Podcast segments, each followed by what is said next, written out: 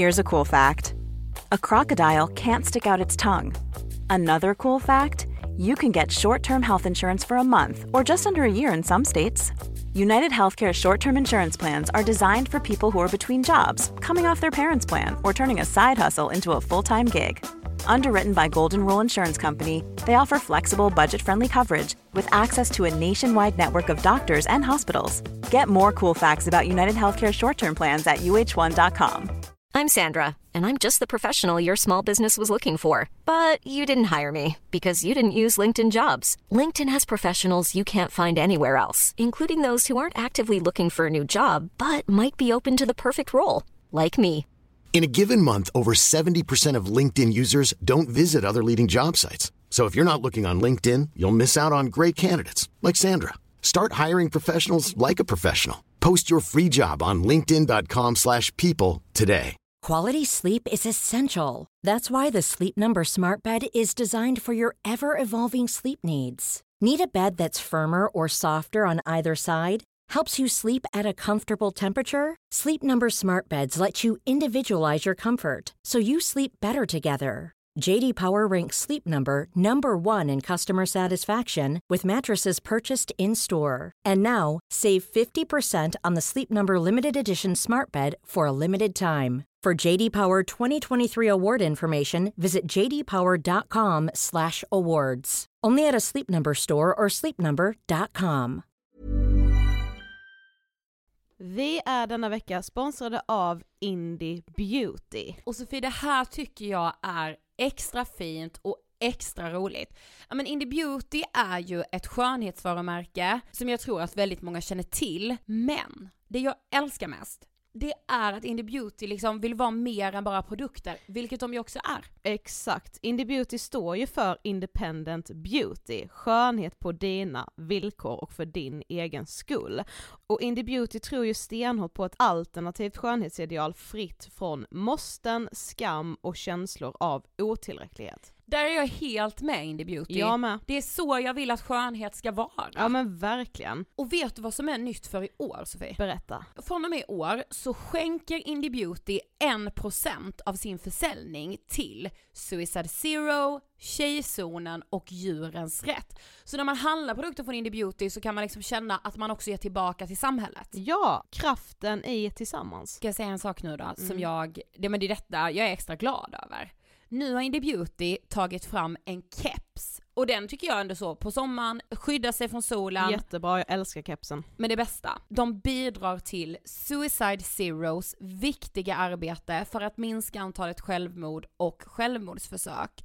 Så för varje såld keps så går hela vinsten, 100 kronor, direkt till Suicide Zero. Då kan man liksom göra nytta både för samhället och sin hud på en och samma gång. Ja, och kepsen kostar 169 men alltså hela vinsten går då som sagt till Suicide Zero. Så om man vill göra skillnad när man är där ute i solen, nu när den börjar titta fram, då ska man välja den här kepsen. Den säljs exklusivt på indiebeauty.se och på Apotea. Tillsammans kan vi skapa en ljusare framtid. Vi ses med kepsarna på! Tack Indie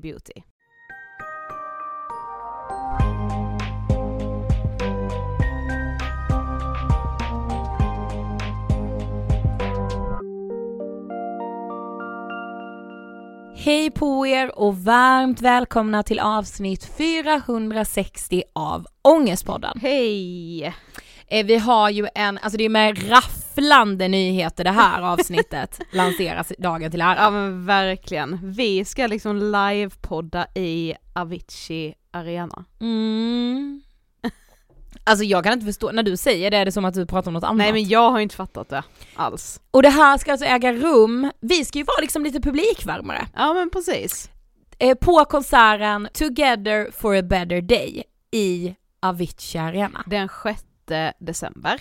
Ja men biljetter finns ju på aviciiarena.se eh, och att få göra det här med Tim Bergling Foundation är eh, Alltså jag saknar ord för jag tycker det är så stort. Ja men verkligen. Alltså jag har typ lite så halvt förträngt det och så har jag en kompis som skickade ett sms förra veckan och bara Hallå ska du gå på det här? Och jag bara det är en sak jag glömt säga men Ja. vi ska livepodda och han bara vad fan säger du nu? Nej men ja alltså verkligen.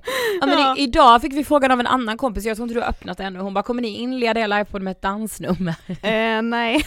Och det kan jag redan nu säga till allas kanske besvikelse, nej. Vi kommer inte köra en Alice och Bianca och plocka in liksom Ja, det är liksom dan- det är team alltså. run this madda. Ja verkligen. Ja, nej. Eh, Det kommer inte hända men däremot... det kommer inte vara stillsamt för den Nej, sakens skull. Det kommer vara liv och rörelse. Vi kommer flyga in. Ja exakt. I Avicii kommer hissas ner. Ja. Nej men om man vill se oss hissas ner eller annat så tycker jag verkligen man ska komma till Avicii Arena den 6 december. Alltså det här är liksom en manifestation för barn och unga psykiska hälsa. ja men verkligen, och alla under 25 får ju ett väldigt förmånligt pris på biljetterna. Exakt, exakt, exakt. Men all info finns alltså på aviciiarena.se. Och jag tycker också det är viktigt att säga att alla artister och andra som medverkar eh, får ju alltså inget betalt för det.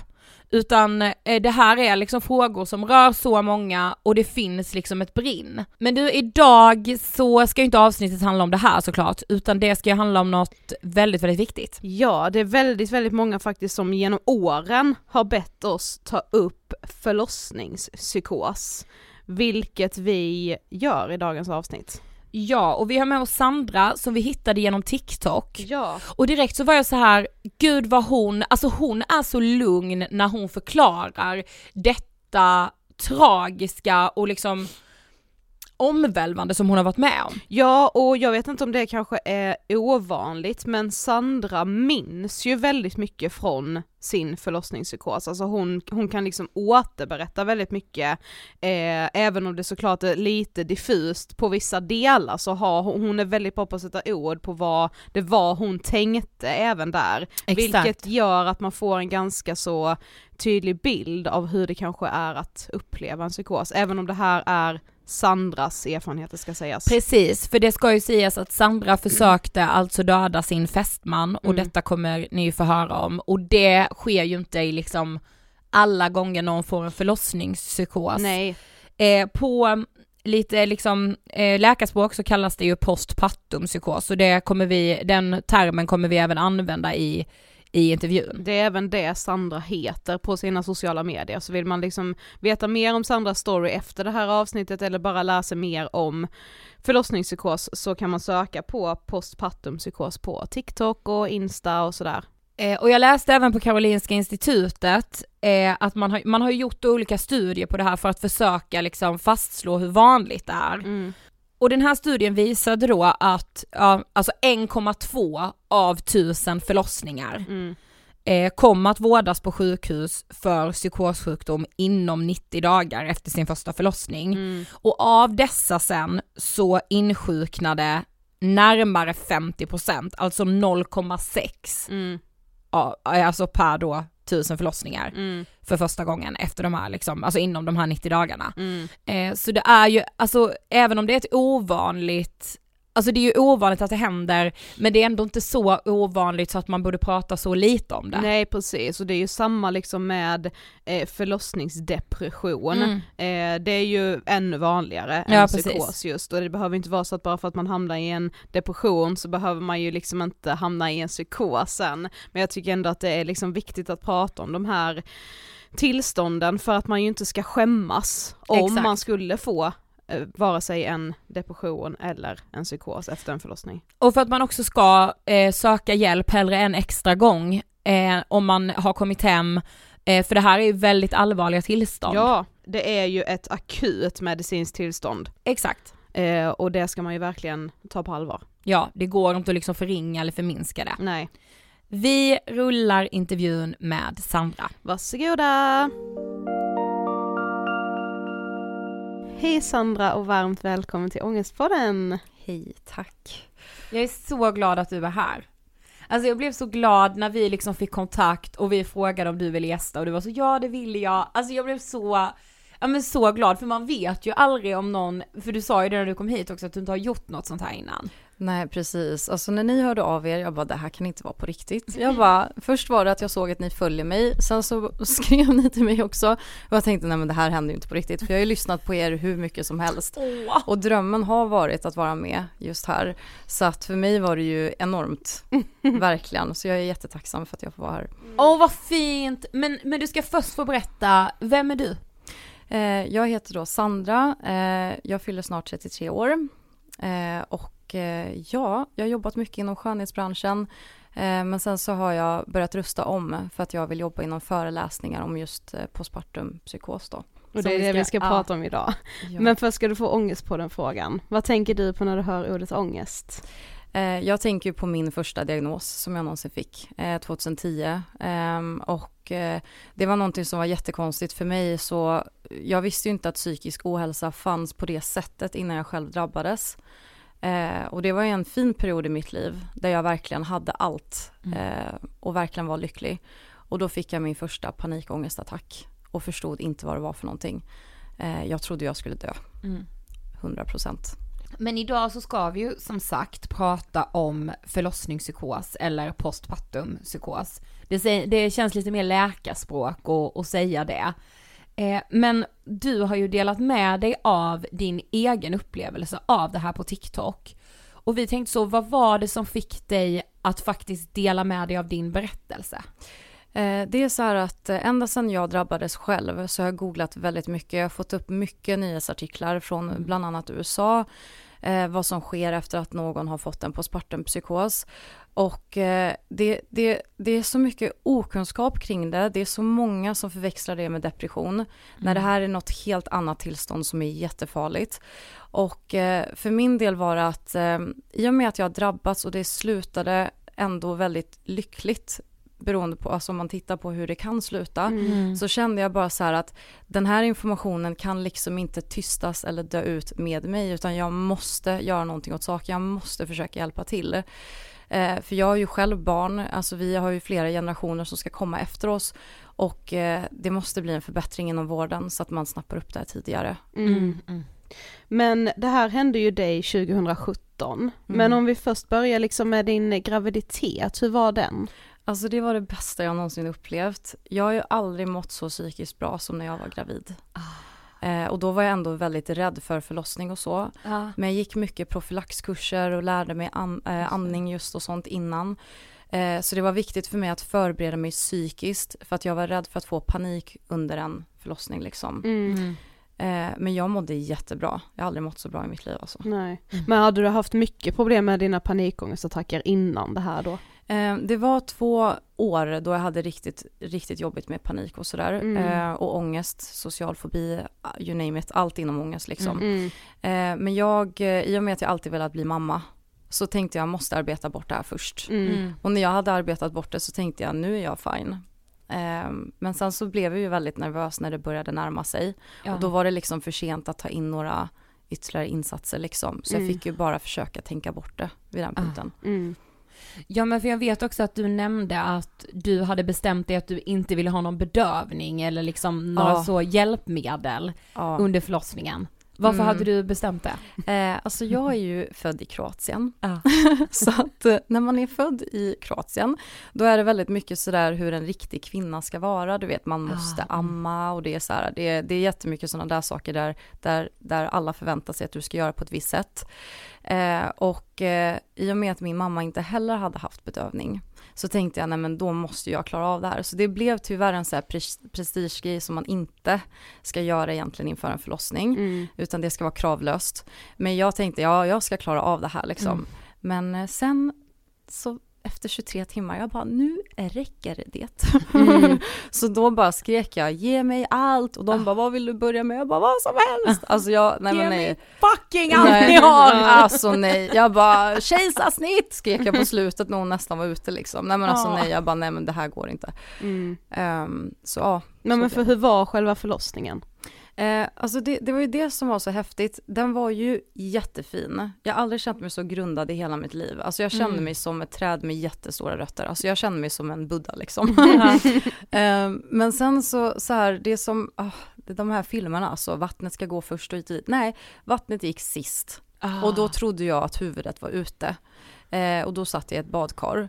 Och det var då jag bara skrek ge mig allt, för nu tänkte jag, nej men det här med vattenfödsel, jag hade tänkt att jag skulle försöka fuska mig till en sån liksom i Sverige. Mm. Men sen så var det bara upp i badkaret och ligg hur du vill liksom, bara ta ut ungen liksom.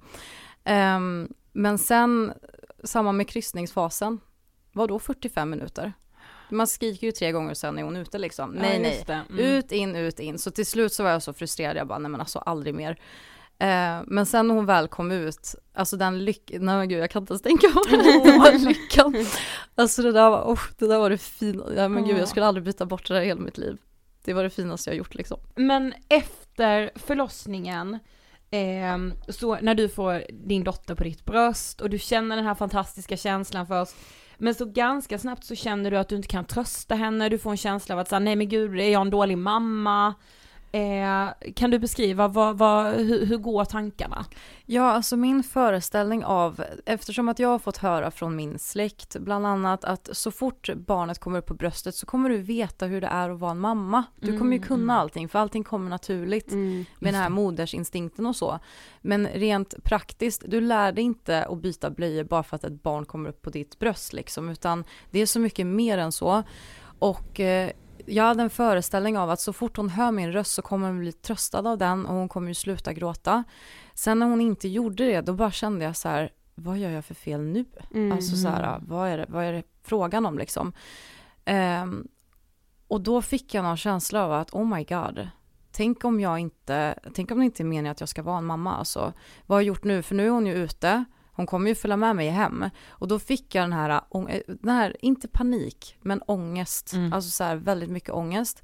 Så när de rullar in den här frukostmackan och jag märker bara den är jättefin och den ser jättegod ut, men jag kan inte äta den. Då fattar jag att fan, jag har ångest. Mm. Ah, mm. Men ventilerade du de här känslorna med någon eller var det, var det här någonting som gnagde bara i dig? Nej men först vågade jag inte, men i och med att jag hade eh, min fästman då, eh, han var ju med hela tiden, och min mamma. Så till slut, eftersom att jag berättar allting till min mamma utan att vara rädd för att hon ska döma mig, då sa jag det att jag bara, nej men gud, jag har ångest nu mamma. Och hon bara, nej men du har klarat igenom hela förlossningen så och hela graviditeten utan ångest och panik. Hon bara, varför kommer det nu? Hon bara, det kan ju vara att du är på sjukhus, du gillar ju inte det. Och jag bara känner, nej men jag måste bryta det här tillståndet nu liksom. Ja. Så det var till och med ett läge där jag tog min vattenflaska och bara sprutade ner hela mitt ansikte, alltså bara i sängen där på BB liksom. För att jag ville få en chock liksom, att Ja, bara, bara så här, vakna. vakna. Mm. Ja, Ah. det här är inte, det här, eller så här, det kändes inte normalt. Mm. Här har jag ju väntat på det här i hela mitt liv. Mm. Alltså så. Eh, så jag ville bara bryta tillståndet direkt innan det gick för långt liksom. Mm. Men det funkade ju inte riktigt. Nej. Nej, men för ganska så snabbt så åker ni ju ändå hem. Ja. Och sen så börjar ju liksom en mardröm av att du inte kan sova på en hel vecka. Ja. Ber, alltså berätta, vad, vad är det som händer? Nej men grejen är så här, i och med att jag inte har några syskon och har verkligen aldrig varit runt bebisar, jag har aldrig sett en nyfödd bebis i hela Mm. mitt liv och jag var ändå 26 liksom. Eh, så tänkte jag bara så här, nu ska vi ta hem den här människan och hon ska ju överleva hos oss också. Ja, det är inte ja, bara att ta hem Ja. liksom. Så wow, du vet, Ja. det här är inte en liten grej alltså, det här är inte ett husdjur du vet. Nej. Även ett husdjur är lite panik, men ändå. Mm.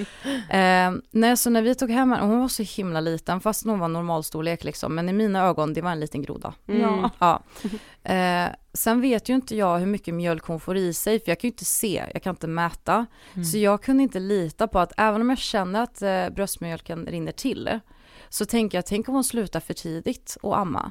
Tänk om hon behöver mer. Så du vet så här, jag var så osäker i min mammaroll, alltså jag tappade helt den här eh, tryggheten, den här, som att jag hade förberett mig så mycket för förlossningen, men inte lika mycket för hur det känns. Ja. Liksom. Mm. Inte för att jag tror att man kan läsa sig till det, men ändå. Nej, mm. Ehm, och då var det ju så här att direkt så sätter jag upp ett schema, alltså så här att alltid så måste någon vara vaken. När, alltså med henne liksom. Eh, och min mamma och min, eh, min fästman gick ju med på det. Alltså vi hade ju ett schema så att vi, vi hade jour hemma liksom. Mm. Att alltid var någon vaken. Och det var just för att jag var så himla rädd för plötslig spädbarnsdöd. Ehm, jag, jag ville ju inte sova bredvid henne, någon fick ju plocka bort henne för att jag inte skulle råka rulla över henne. Alltså jag hade Mm. jättemycket skräcktankar. Extremt mycket. Mm. Eh, och i det stora hela, hon sov. Mm. flera timmar på nätterna. Så att, men jag kunde inte slappna av. Mm. Fanns inte en chans. Så fort jag hörde minsta lilla ljud så hoppade jag till och fick puls liksom. Men redan här så börjar du ändå också få typ en känsla av att känna dig lite allsmäktig. Mm. Hur var det? Eh, alltså grejen var så här att när vi först fick hem eh, den här uh, barnmorskan från MVC då, eh, eller BVC blir det väl. Mm. Just det. Ja, eh, då så sa hon till mig att eh, din amning och allt det här du har gjort de här två, tre dagarna har varit ek- exemplariska. Mm. Och då fick jag någon flipp, typ. Så jag gick ju runt och sa att jag var exemplarisk hela tiden. Och det här är ett ord jag inte använder. Alltså så, jag har aldrig Mm. hört det förut. Mm. typ. Eh, men då började jag känna så här att, men herregud, alltså jag känner att jag förstår vad hon säger. Efter att jag hade tittat på något Oprah-avsnitt med ljud. Som de gör när de är hungriga eller törstiga eller du vet sådär. Mm. Ehm, och jag förstår ju vad hon säger, jag vet hur det känns att vara mamma, jag är jätteduktig på det här, oh my god. Om jag hade fått ett jättesvårt mattetal, jag hade ju klarat det också. Fast jag är jättedålig på matte liksom. Så jag, jag sa det till min mamma, jag bara, om jag visste att man blev så här Einstein efter att man fick barn, då hade jag ju skaffat barn när jag var 17. För att klara mig bättre i livet liksom. Mm. Eh, så det där var en cool känsla. Mm. Det är det som är lite läskigt. Alltså det här är ju den bästa känslan du kan ha. Exakt. Mm. Ja. Eh, men den är inte bra. Nej. Nej. Men och i allt det här så sover du alltså ingenting? Nej, jag kan snitta på 30 minuter här och där, Ja. två timmar här och där. Eh, men till slut så ligger jag och blundar i flera timmar och det kommer ingen sömn. Och då tar jag till med mina meditationsband, alltså de här som jag lyssnade på innan. Det är mm, avslappning med Lars-Erik Unestål, jag blir trött bara, alltså det är en trigger för mig. Ja. För jag kan ju det där, jag har gjort det i många år. Det händer ingenting. Nej. Och sen så blir jag så frustrerad för att både min mamma och min fästman, de säger ju det, du måste sova, du måste sova. Så det blir press ytterligare därifrån. Mm. Men det går inte. Mm. Jag får inte till det, jag har glömt hur man gör. Ja, och gud, när du sa det också i en av dina videos, att det är som att du har glömt hur man somnar. Ja det är Ah. så jävla vidrigt, alltså jag har Alltså, med haft, jag jag, fick- har med haft så här lite sömnproblem och det som är så jävla sjukt när man liksom inte har sovit på ett tag och man är jättetrött men då har ju kroppen försatts i någon typ stressreaktion. Så hur trött man än är så pumpar ändå adrenalinet och det är typ det som gör att man inte kan sova. Men just det här med att det känns som att man har glömt bort hur man somnar, alltså det är så obehagligt. När det är så läskigt. Och sen samtidigt få en massa idéer för att jag fick ju så mycket idéer om att jag skulle skriva en bok, jag skulle hjälpa kvinnor som mår dåligt efter en förlossning, vi måste spräcka den här illusionen av den här fantastiska babybubblan, du vet jag kände bara så här, sånt stort ansvar att liksom komma ut med att så här, jag mår jättedåligt i det här, det här har jag aldrig läst om, vad är det frågan om liksom? Ehm, så då blir det ännu svårare att slappna av och somna. Mm. Men du, du gör ju också någonting när du får alla de här idéerna. Du skriver ju inte ner det på ett papper. Nej, utan jag börjar ju, för det första så, så går jag in i badrummet, jag sätter mig där på golvet när alla andra sover, för att ingen ska veta att jag är vaken, för att då kommer de ju tjata på mig liksom. Så jag sitter där och börjar anteckna mina företagsidéer på mina armar. Och tycker att det här är helt rimligt för att jag inte hittade något papper. Sen till slut så blir det ju så pass illa så att jag måste skriva på min hand allt jag behöver göra för att funka som människa. Och då kunde det stå nummer ett, äta. Nummer två, andas. Nummer tre, kissa. Nummer fyra, bajsa. Alltså, för mina kroppsliga funktioner försvann. Jag kom inte ihåg att äta. Jag var inte hungrig. Jag mindes inte att gå på toaletten. Så till slut när jag väl satt där så kunde jag sitta hur länge som helst för då hade jag ju hållit mig tydligen. Mm. Så kroppen funkar ju inte. Nej. Nej. Och hur lång tid var det här? Var det liksom under den här första veckan eller liksom hur, hur länge pågick detta? Ja, det var den första veckan och grejen är så här att jag har sökt hjälp flera gånger. Jag har åkt in och ut de här dagarna. Jag har blivit hemskickad med Lergigan, alltså sådär, som ska liksom lugna och sådär. Men det var också mycket för att jag pressade på så mycket att jag måste amma. Mm. Men samtidigt, det enda jag fick frågan, har du dumma tankar? Känner du att du behöver sova över här? Och då var jag så här, när jag börjar få panik när du säger att jag måste stanna här, ja men då får du stanna här liksom. Men, men det, var, det var hela tiden någonting om att det förminskades Mm. något så grovt. Mm. Medan jag led så innerligt, jag mådde så dåligt. Men hur reagerade din man? Eh, Han, i och med att han har varit med mig, jag har ju varit tillsammans med honom så himla länge. Jag Ja. blev tillsammans med honom när jag var 19 Mm. och min första diagnos fick ju en, två år senare Just med det. ångest och panik. Så både han och min mamma, för att min mamma bodde ju hos oss under den Mm. perioden, det gick ju inte. Jag kunde inte vara bara med honom liksom, utan jag behövde en hel by liksom för att orka leva. Ehm, de trodde ju att det här var någon typ av panikångest. Mm. Men det som var skiften här då, det var att jag blev så arg. Alltså jag brann. När det var minsta lilla. Och jag kommer ihåg att det var någon gång när han var så här, men gud vår dotter är så himla gullig. Jag bara, oh my god kan vi prata om någonting annat än bebisen?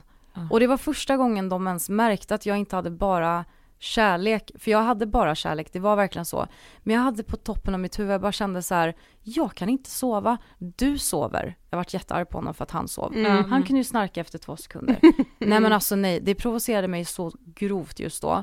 För att då om alla andra var glada, klart att ni är glada, ni har sovit. Ja, åh gud. Du ja. vet, men jag kan ju inte. Det Mm. går ju inte. Mm.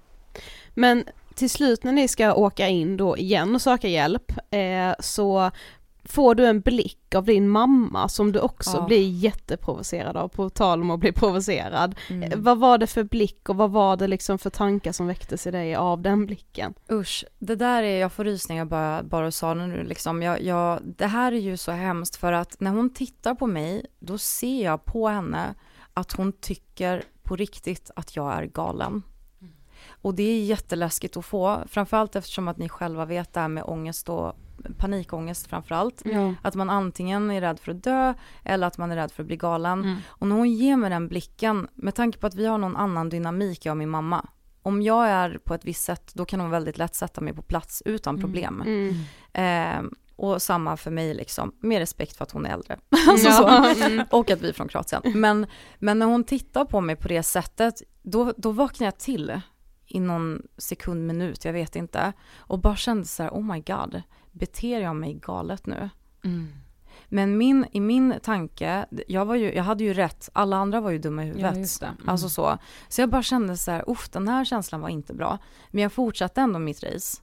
Jag tog ändå min dotter i bärselen. Jag gick ner för trappan, trapporna istället för att gå in i hissen. Och hon bara skrek efter mig, du kommer tappa henne. Och då blev jag kränkt. Jag bara, jag är hennes mamma. Jag kan Mm. inte tappa mitt barn. Alltså du vet, jag är ett lejon. Alltså jag känner mig stark. Mm.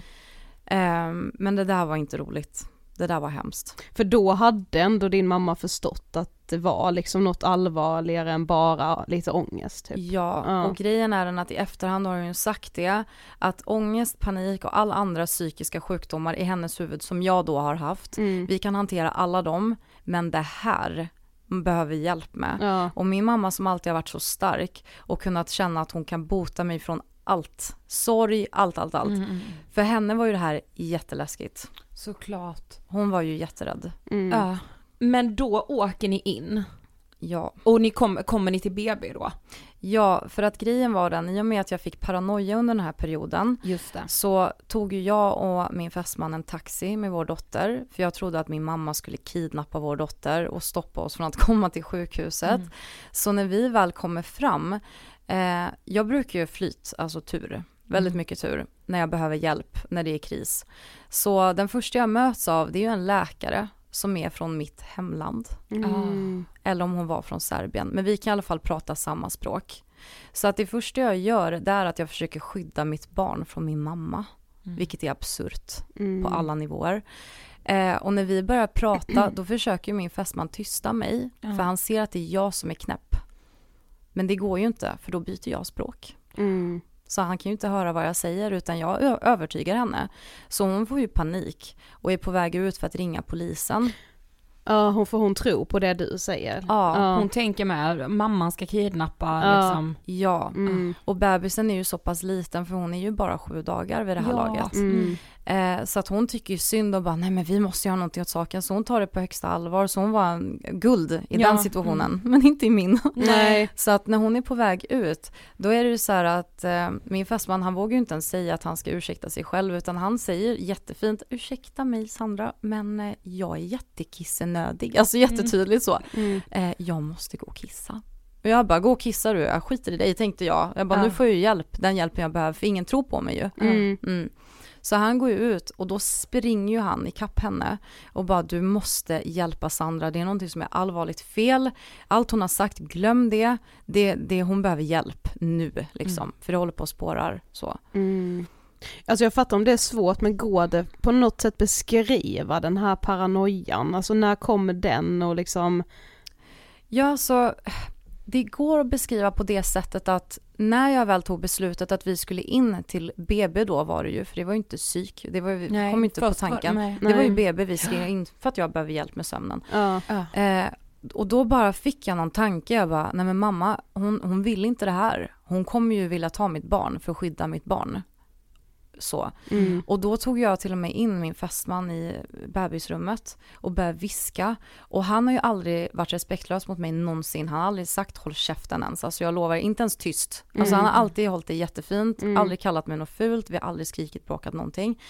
Och till slut så var det ju till och med att han bara, hur fan kan du säga som din egna mamma Sandra, vad håller du på med? Jag bara. Shh, du får inte säga hon kommer höra oss. Du vet så här, paranoia deluxe liksom. Mm. mm. Och sen samma i taxin, för där försökte jag ju fortsätta övertyga honom. Och han bara, snälla Sandra, med all respekt, håll käften. Och när han sa det, jag bara, jaha. Eller du vet, ja, ja, mm. vad menar du nu liksom? Mm. Vadå håll käften typ? Så jag fattar ju ingenting. Nej. I'm Sandra, and I'm just the professional your small business was looking for. But you didn't hire me because you didn't use LinkedIn jobs. LinkedIn has professionals you can't find anywhere else, including those who aren't actively looking for a new job but might be open to the perfect role, like me. In a given month, over 70% of LinkedIn users don't visit other leading job sites. So if you're not looking on LinkedIn, you'll miss out on great candidates like Sandra. Start hiring professionals like a professional. Post your free job on linkedin.com/people today. Quality sleep is essential. That's why the Sleep Number Smart Bed is designed for your ever-evolving sleep needs. Need a bed that's firmer or softer on either side? Helps you sleep at a comfortable temperature? Sleep Number Smart Beds let you individualize your comfort so you sleep better together. JD Power ranks Sleep Number number 1 in customer satisfaction with mattresses purchased in-store. And now, save 50% on the Sleep Number limited edition Smart Bed for a limited time. For JD Power 2023 award information, visit jdpower.com/awards. Only at a Sleep Number store or sleepnumber.com. Hey, it's Ryan Reynolds and I'm here with Keith, co-star of my upcoming film If, only in theaters May 17th. Do you want to tell people the big news? All right, I'll do it. Sign up now and you'll get unlimited for $15 a month in six months of Paramount Plus Essential Plan on us. Mintmobile.com slash switch. Upfront payment of $45 equivalent to $15 per month. Unlimited over 40 gigabytes per month. Face lower speeds. Videos at 480p. Active Mint customers by 531.24 get six months of Paramount Plus Essential Plan. Auto renews after six months. Offer ends May 31st, 2024. Separate Paramount Plus registration required. Terms and conditions apply if rated PG. Nej och det ska man ju med liksom, alltså har man en psykos, alltså man är så övertygad, alltså det finns ju inget där och då som kan få en att liksom inse att det jag tänker och det jag känner är inte sant. Nej, utan logiken försvinner helt. Du ja. kan ha varit akademiker inom mm. ett ämne. Nej, nej, du tror att du har fått en större uppgift, mm. du tror att du är kopplad med någonting högre, du känner dig smart, ingen är som du, du är verkligen, du får den här både självkänsla och självförtroende utan dess like, alltså det är något fantastiskt, alltså om det inte hade slutat dåligt efteråt mm. när man bränner av, det är en fantastisk känsla att få. Men, men och den blir så rimlig på något sätt för att hjärnan hittar ju kopplingar med varför det här makes sense. Mm. Det är det som är obehagligt. Mm. Men vad händer då sen när liksom din fästman har sprungit ikapp den här eh, sjuksköterskan och så, vad händer? Ja, det de gör först är att de sätter mig i ett vanligt BB-rum, liksom. Um, vi, jag får ju den högsta uppgiften och det är att sova. Mm. Det är mm. liksom det. Så att eh, de säger till mig att eh, nu kommer du få medicinering, du kan pumpa bröstmjölk innan så att du får ut så mycket som ja, möjligt. Mm. Men är det så att den tar slut, är det okej okay att vi ger mjölkersättning? Och för mig var ju det här katastrof. Mm. Inte för att det, så jag vill inte att någon ska tro att mjölkersättning är katastrof. Men i och med att jag blivit intalad en massa saker från min barndom så var det här som att misslyckas något grovt liksom. Mm. mm. Det här skulle ju inte ske, inte för mig i alla fall. Mm. Om det nu inte skulle vara så att det inte funkar att amma. Mm. Men jag gör så, jag gör mitt bästa, jag försöker få ut så mycket som möjligt och smärtan och allting och jag bara dör liksom. Men jag får ut det mesta som jag kan.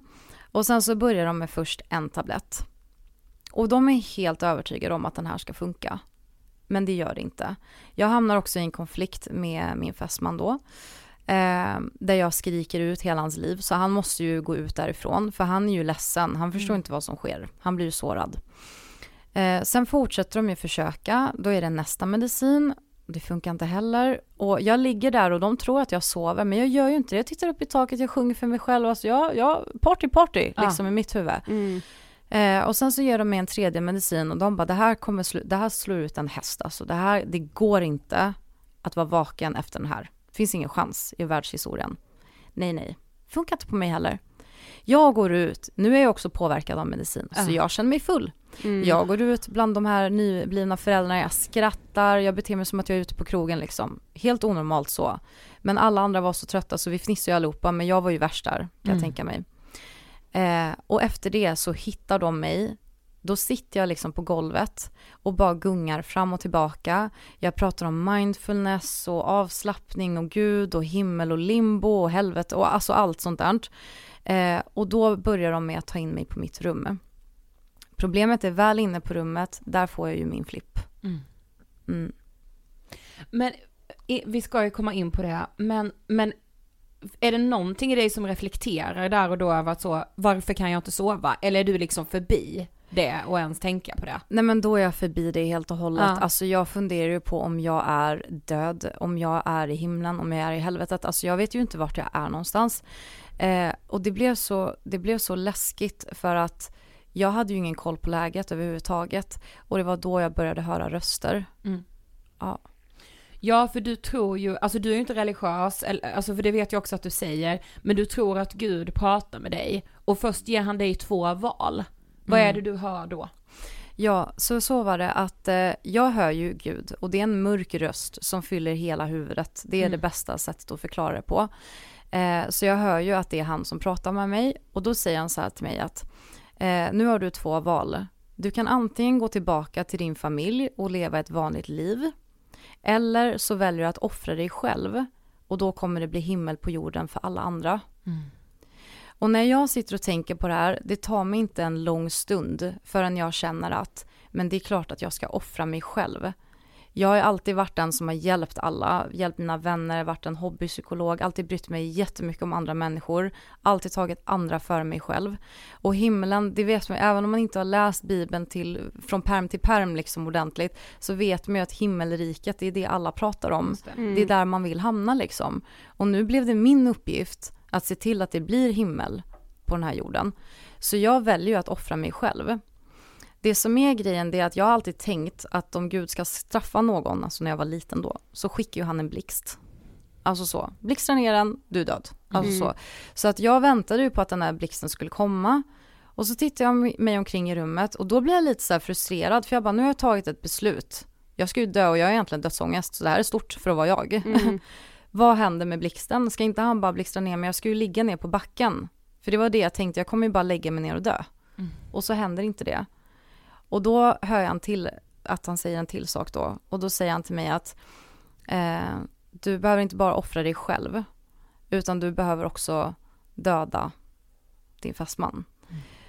Och här blir det ju lite svårare för mig, för han har inte gjort mig någonting. Han är fantastisk. Om, om min dotter förlorar både sin mamma och pappa, du vet det är mycket sådana tankar som mm. går. Mm. Men så har ju jag min mamma då. Så jag tänker att då kommer ju hon kunna ta min dotter liksom. Mm. Eh, och vad är egentligen våra två liv värda? Om alla andra på hela jordklotet får himmel liksom. Mm. Eh, så då tar jag beslutet att försöka döda honom liksom. Vad, hur, vad är det du gör? Eh, det jag gör det är att jag har ju haft en föreställning av att jag hoppar på honom men tydligen var det ju inte så. Fick jag ju reda på i efterhand efter att jag hade startat min TikTok. Jag hade tydligen gått fram till honom eh, klappat honom på kinderna och blivit jätteledsen och gråtit. Eh, och sen så hade jag ju först så sagt att jag älskar honom och liksom berättat hur mycket jag känner för honom och allt sånt där. Eh, och sen så började jag ju viska och så då hade jag ju sagt då att nu måste du dö. Eh, så jag började strypa honom lite långsamt där i början. Mm. Och sen när jag märkte att det inte funkade antagligen så tog jag tag i honom hårdare. Ehm, då får ju, för att vi var ju inte själva i rummet heller, vi hade ju en barnmorska där som övervakade mig framförallt då Ah, och kollade så att allting skulle vara fine, för hon förstod också att det var någonting som var riktigt fel. Mm. Ehm, och då, ehm, först så tyckte hon, åh vad gulligt, så här. Ja, ah. Ja, och sen så bara nej, det var inte alls gulligt. Så hon Nej. fick ju panik och tryckte på knappen eh, så att det skulle rusa in personal. Och då trodde jag hela tiden att det var två män, men det var två kvinnor faktiskt som kom in. Och det var de som tacklade ner mig. Ja. Så att jag hamnade i backen med ansiktet och allting. De verkligen tryckte ner och gav mig en spruta för att lugna ner mig helt. Eh, efter det så satte de ju mig i en rullstol. Och då fattade jag ju ännu mindre, men då var jag ju lugn. Mm. Ja. För då trodde jag att jag var klar med min uppgift och att Mm. det skulle bli himmel och att det var färdigt. Och vad händer då efter det här? Somnar du efter det här? Nej, utan jag sitter ju där Ja. Och tänker att nu är jag färdig. Så jag var ju stolt över mig själv, över allting. Och så tänkte jag, gud vad skönt, han behövde inte dö, utan det är bara jag som ska dö. Jag behövde bara bevisa för Gud Att att, jag skulle. kunde, Ja. ja. att jag kunde, att jag skulle, att jag gjorde hans uppgift liksom. Mm. Men sen nu så skulle jag få åka. Antingen ner i himmel, helvete. Just då brydde jag mig faktiskt inte. Jag har inte sovit på åtta dagar nu. Nej. Bara det räcker. Du vet så här, jag är klar. Jag är färdig. Tack, hej leverpastej alltså så. Ja, mm. så. Så de sätter mig i rullstolen och då kommer det in en läkare som har vita kläder på sig så, såklart. Och då tänker jag i mitt huvud att oh my god, det här är ju Gud. Mm. Och då ser ju jag att han heter Roger och eh, jag var jätteirriterad på en person som heter Roger just då. Så jag bara nej du, Roger, alltså Gud heter Roger. Så jag började med att svära ut hela hans existens, hela hans liv. Alltså jag valde varenda svordom du kan tänka, det var så fult och grovt så han kunde inte annat än skratta. Så i journalen har den nu skrivit så här, patient tror på riktigt att jag är Gud och då vill jag garva liksom, det var hemskt. Men jag bara, nu ska jag följa med den här jävla Roger, du vet så här. Eh, så vi började ju, han hade ju förklarat för mig, men jag lyssnade ju knappt på vad han sa. Jag vet inte vad han sa, jag minns inte det liksom. Det enda jag minns är att vi, han skjutsar mig, eh, min fästman går bredvid mig och säger massa saker. Nu ska vi bo på hotell och vi ska ha, ta det lugnt och vi ska sova tillsammans och allt kommer bli lugnt. För han ville ju hålla mig lugn. Han visste ju vart jag var på väg liksom. Mm. Eh, och då ser jag den här lampan som jag tror är ljuset i slutet på tunneln. Och det är verkligen en jättedålig lampa, det är dålig belysning. Ja. Bara, till och med det har folk ljugit om. Ja. Det är inte alls ljust, det är inte alls fint. Alltså vart är jag på väg? Jag bara, vad fan är det här liksom? Och sen där någonstans i hallen så slocknar det helt. Ja. Det blir bara svart. Och jag däckar. Mm. Så då sover du äntligen. Ja, Hur är det sen när du vaknar? Ja, så jag vaknar ju upp, precis som på film när man har varit med om en olycka och vaknar liksom.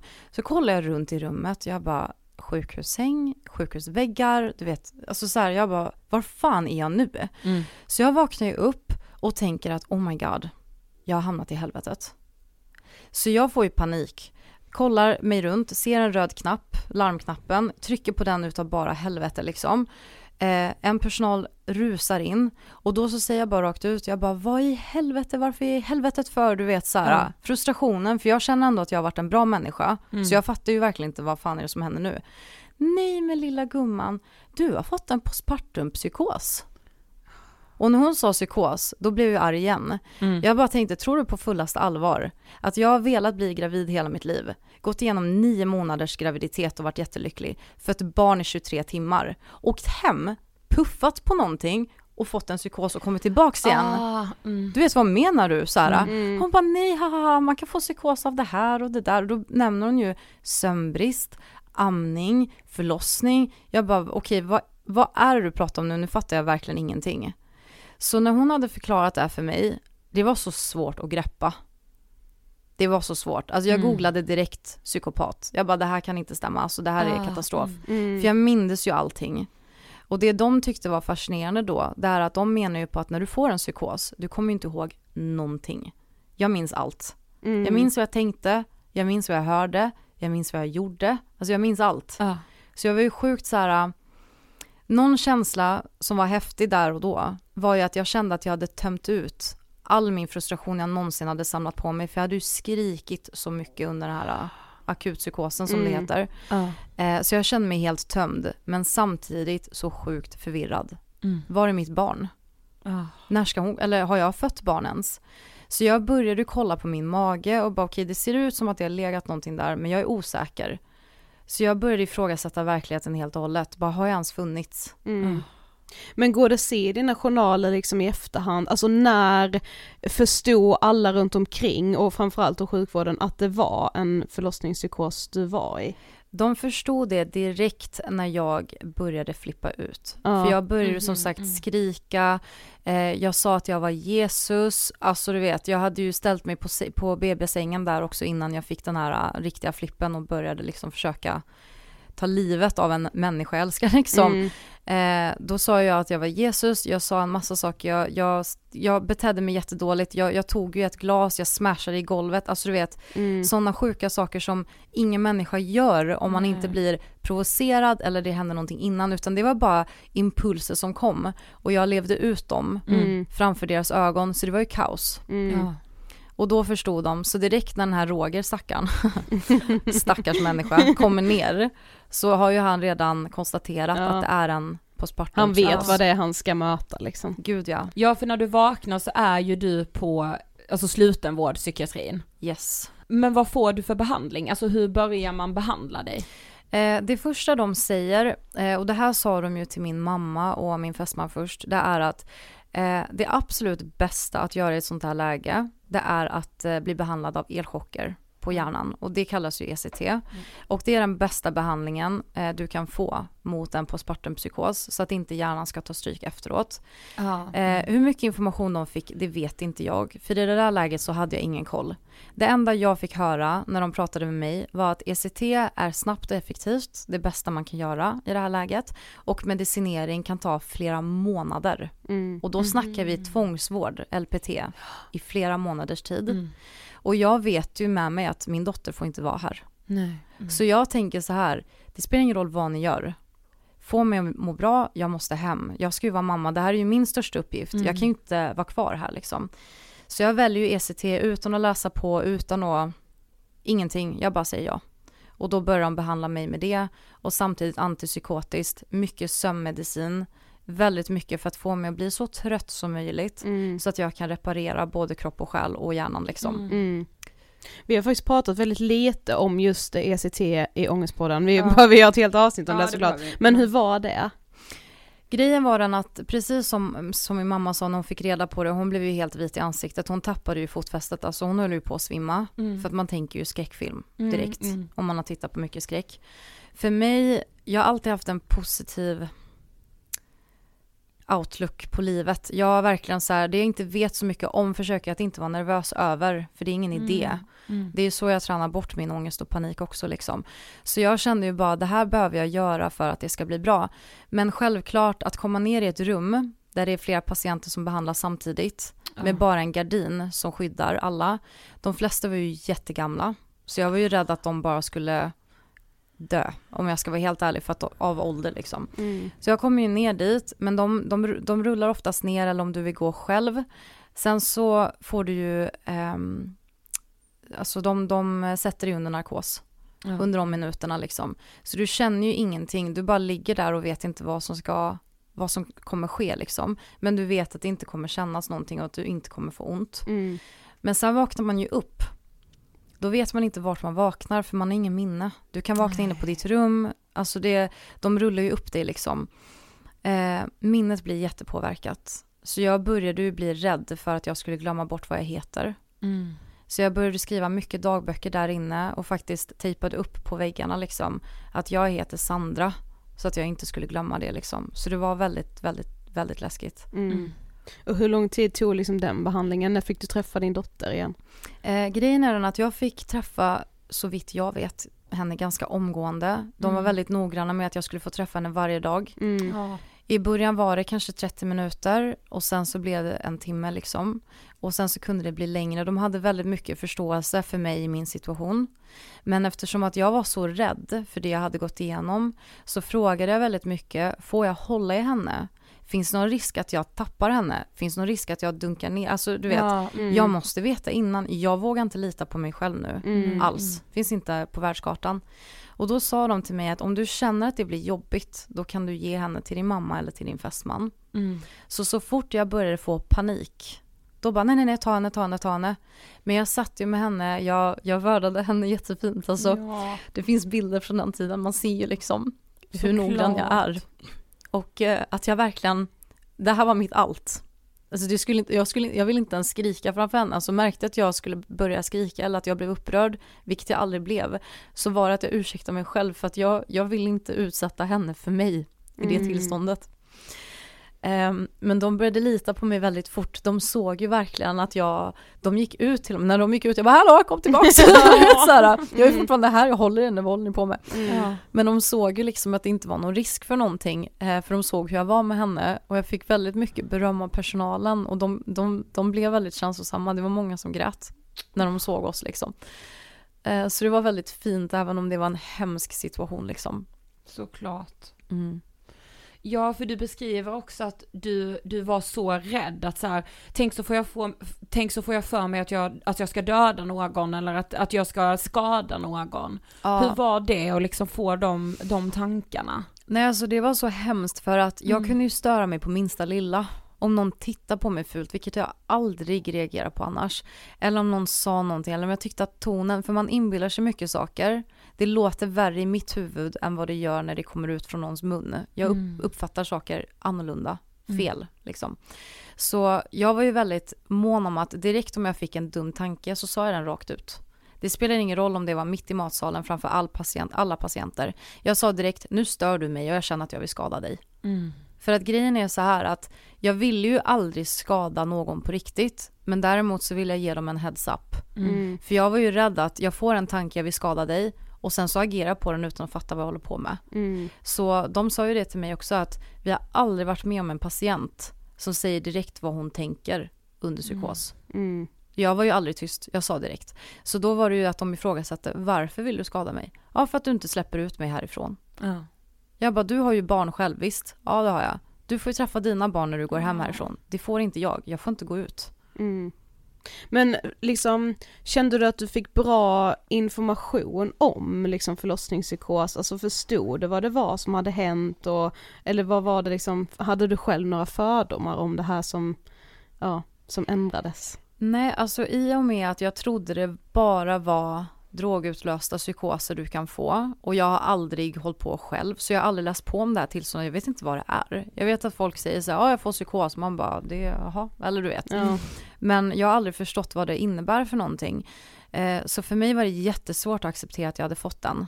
För jag tycker ändå att jag har haft, alltså om man tänker efter, men herregud, vad har jag varit med om egentligen tänker jag. Man förminskar ju sina upplevelser också i livet. Mm. För man tycker att psykosen är så grov. Mm. Och jag har hållit mig borta från narkotika, så varför fick jag en psykos? Mm. Liksom det kändes så knäppt. Eh, så jag hade inga förutfattade meningar, men jag hade jättesvårt att acceptera. Så jag trodde ju hela tiden att jag måste ju vara psykopat. Eller det, må- eh, och psykopat för mig det är liksom att man kan ju inte försöka mörda en människa. Alltså du vet så.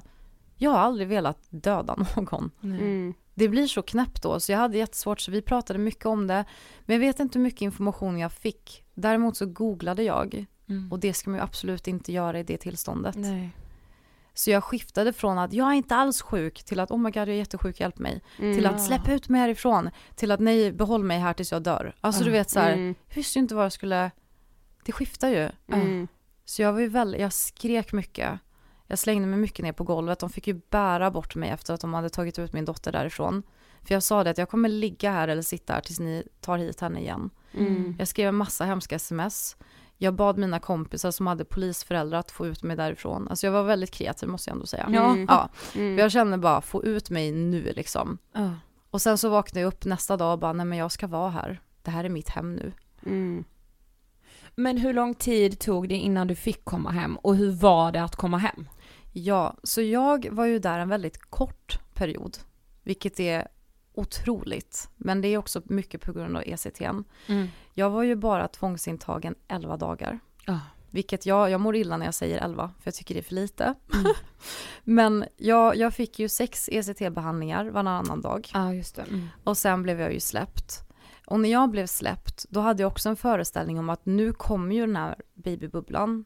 Nu kommer jag ju bli mamma på riktigt och det kommer bli fantastiskt. Men i och med att jag fortfarande ville amma så fick ju inte jag den dosen och den medicinen jag egentligen behövde. Ah. Ja, så jag var ju jätte, det var ingen som kunde liksom övertyga mig om att jag inte skulle amma liksom. Så jag gjorde ju så att jag kom ju hem och drabbades av 6, 7, 8 panikattacker per dag. Mm. Extrem OCD, tvångstankar. Mm. Jättemånga olika idéer på hur man kan råka döda ett barn. Mm. För jag hade ju läst på om att det är fler kvinnor som har dödat sina barn under akutpsykos. Mm. Och jag var ju livrädd för alla gafflar, knivar, min balkong, alla fönster.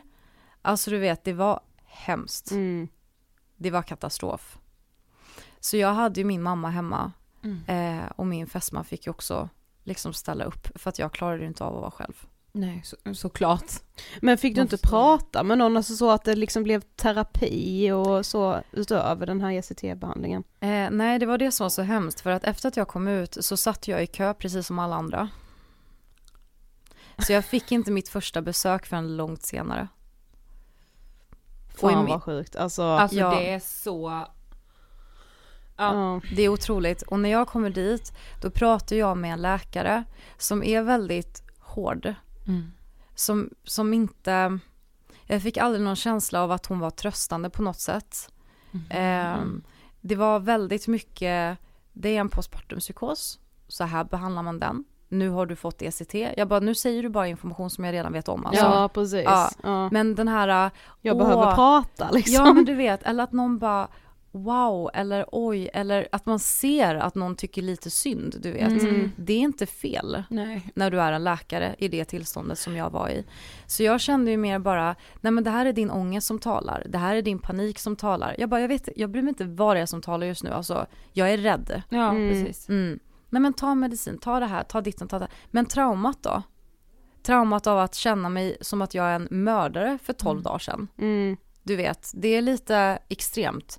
Så jag fick ju någon typ av PTSD Mm. där och då när jag såg ett kors till exempel, en kyrka, jag fick ju rysningar. Ja. När jag tänkte mm. på religion eller någonting, eller gud eller det är ju skräckfilm i mitt huvud liksom. Jag Mm. fick panik.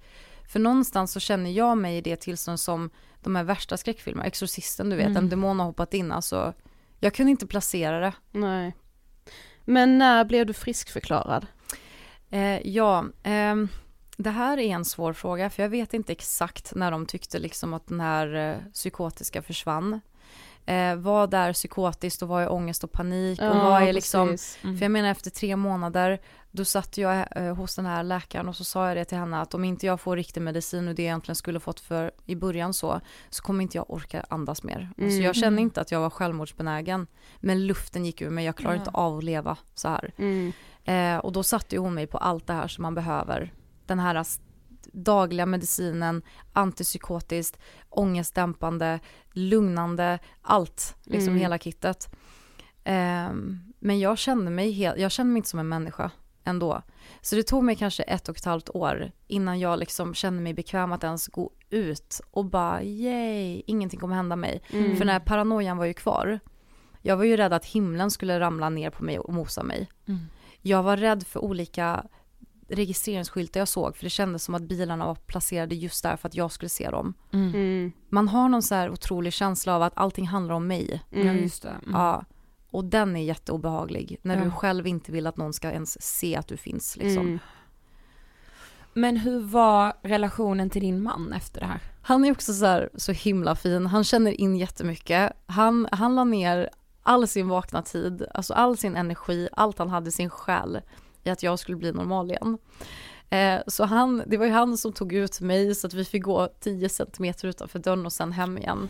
Sen två meter, sen hem igen. Sen skulle vi bara gå fram till mataffären, sen hem igen. Sen skulle vi ta med oss barnvagnen ut. Alltså så här, han verkligen, det var KBT, alltså han jobbar ju inte med sånt här liksom, han är Nej, inte en psykolog.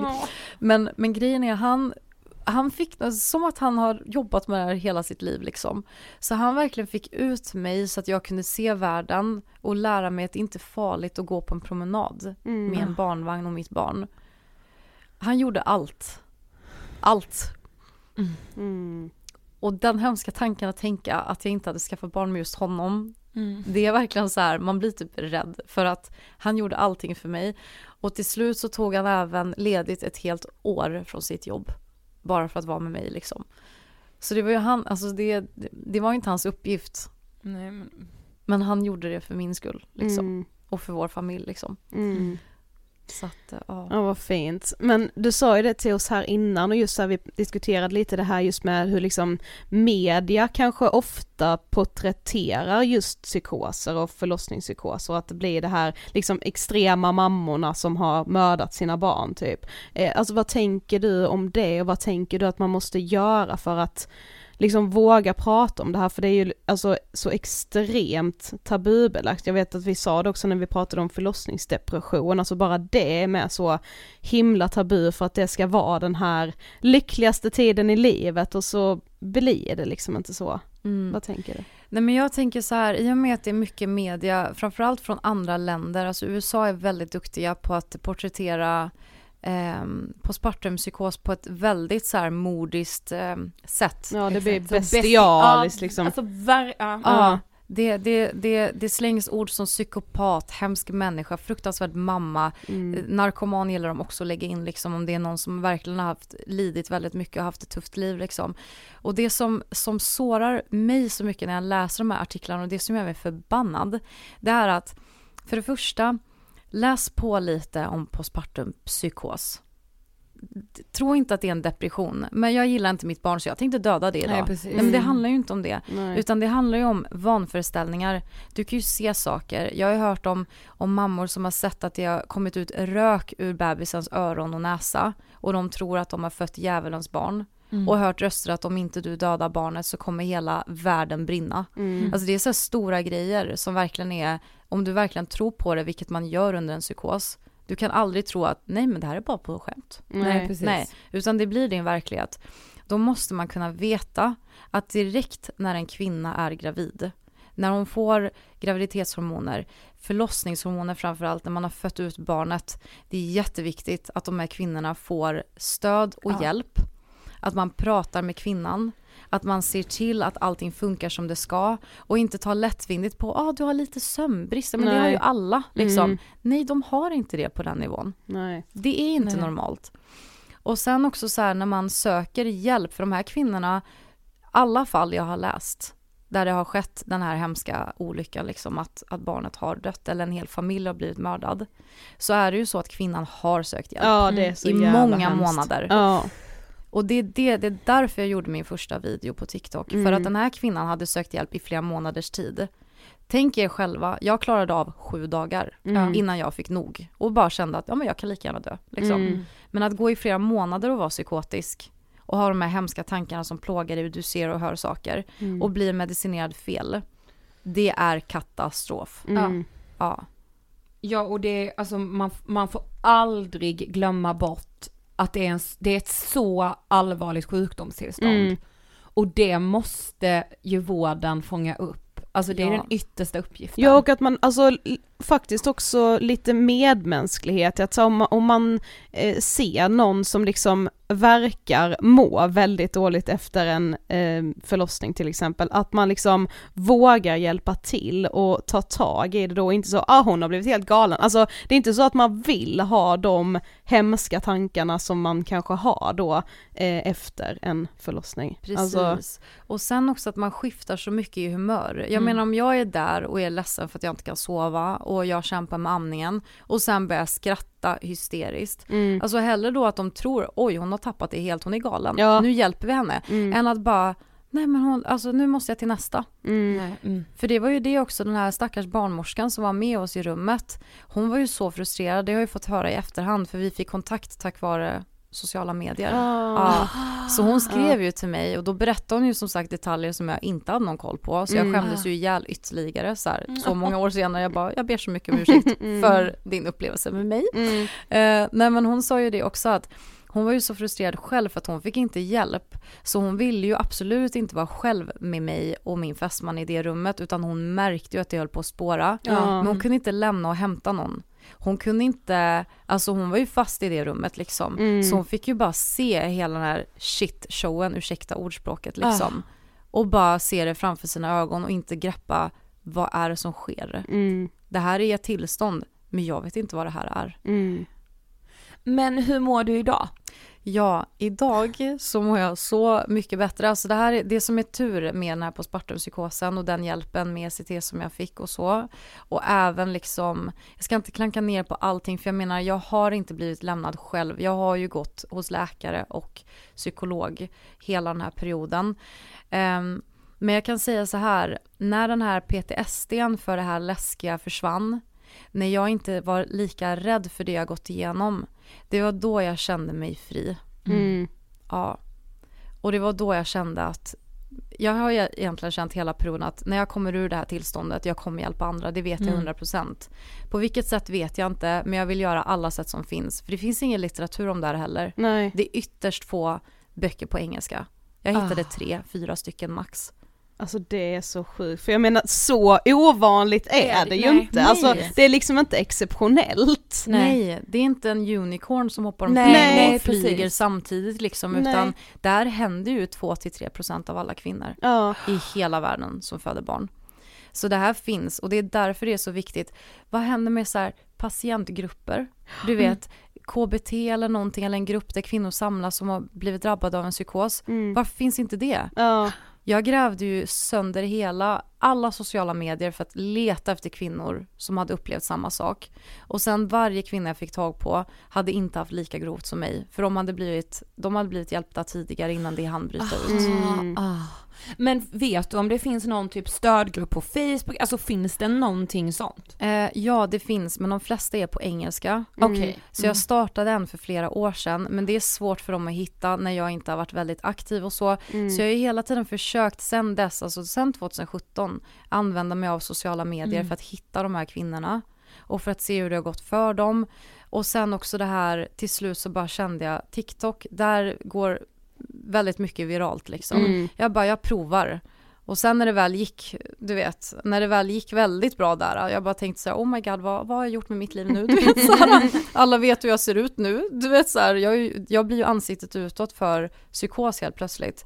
Eh, men jag bär det med, eh, inte stolthet, men jag är glad att jag överlevt. Alltså förstår mm, ni, jag, jag, mm. känner mig stark för att jag har klarat av att överleva. Ja, det ska och framförallt ska du vara så oerhört stolt för att du pratar om det här. Mm. Vad ja. heter du på TikTok om man lyssnar och vill följa dig?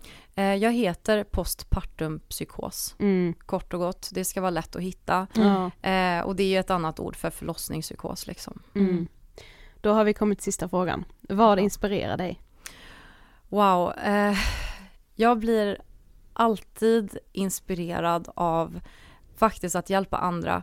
Jag älskar att lyssna på andras historier, men jag älskar att kunna tillföra med någonting. Alltså jag, jag, jag får min största inspiration från just att kunna hjälpa. Och sen är det ju så här, när jag fick min dotter, alltså om hon skulle älska att ha, alltså att dansa, jag öppnar en dansskola alltså. Jag, nej men alltså nej nej nej, jag kommer göra allt för den här människan alltså. Det, det är verkligen så här, för hon det är det som är så häftigt i det här.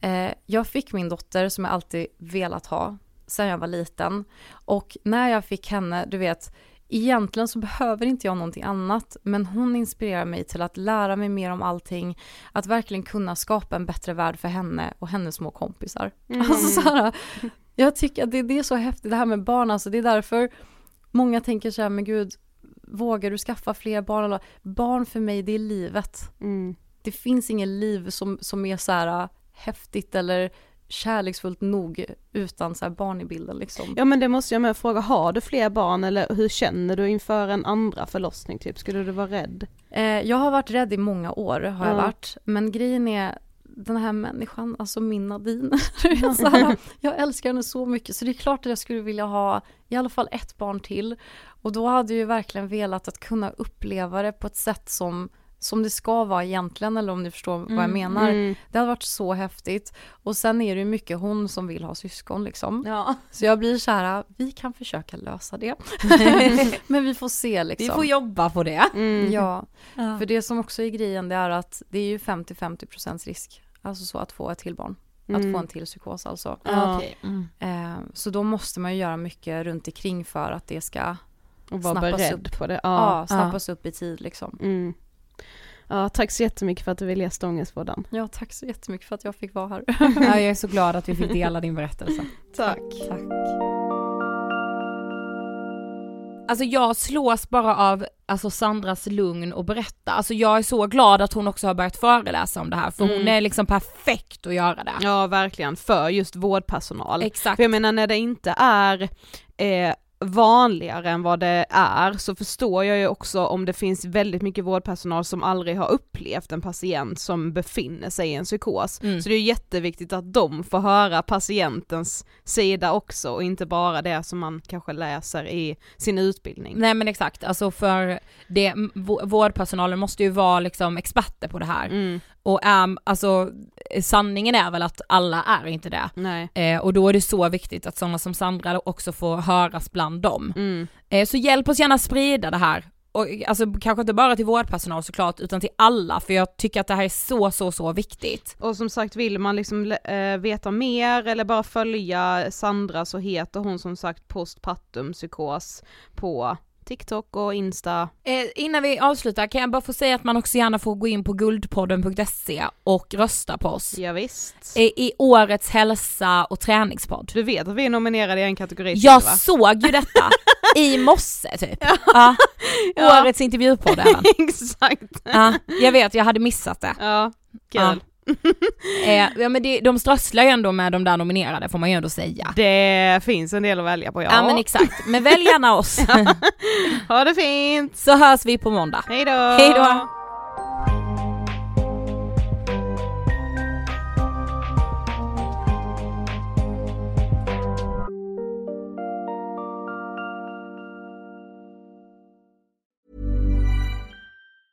Even when we're on a budget we still deserve nice things. Quince is a place to scoop up stunning high-end goods for 50 to 80% less than similar brands. They have buttery soft cashmere sweaters starting at $50, luxurious Italian leather bags, and so much more. Plus, Quince only works with factories that use safe, ethical, and responsible manufacturing. Get the high-end goods you'll love without the high price tag with Quince. Go to quince.com/style for free shipping and 365-day returns.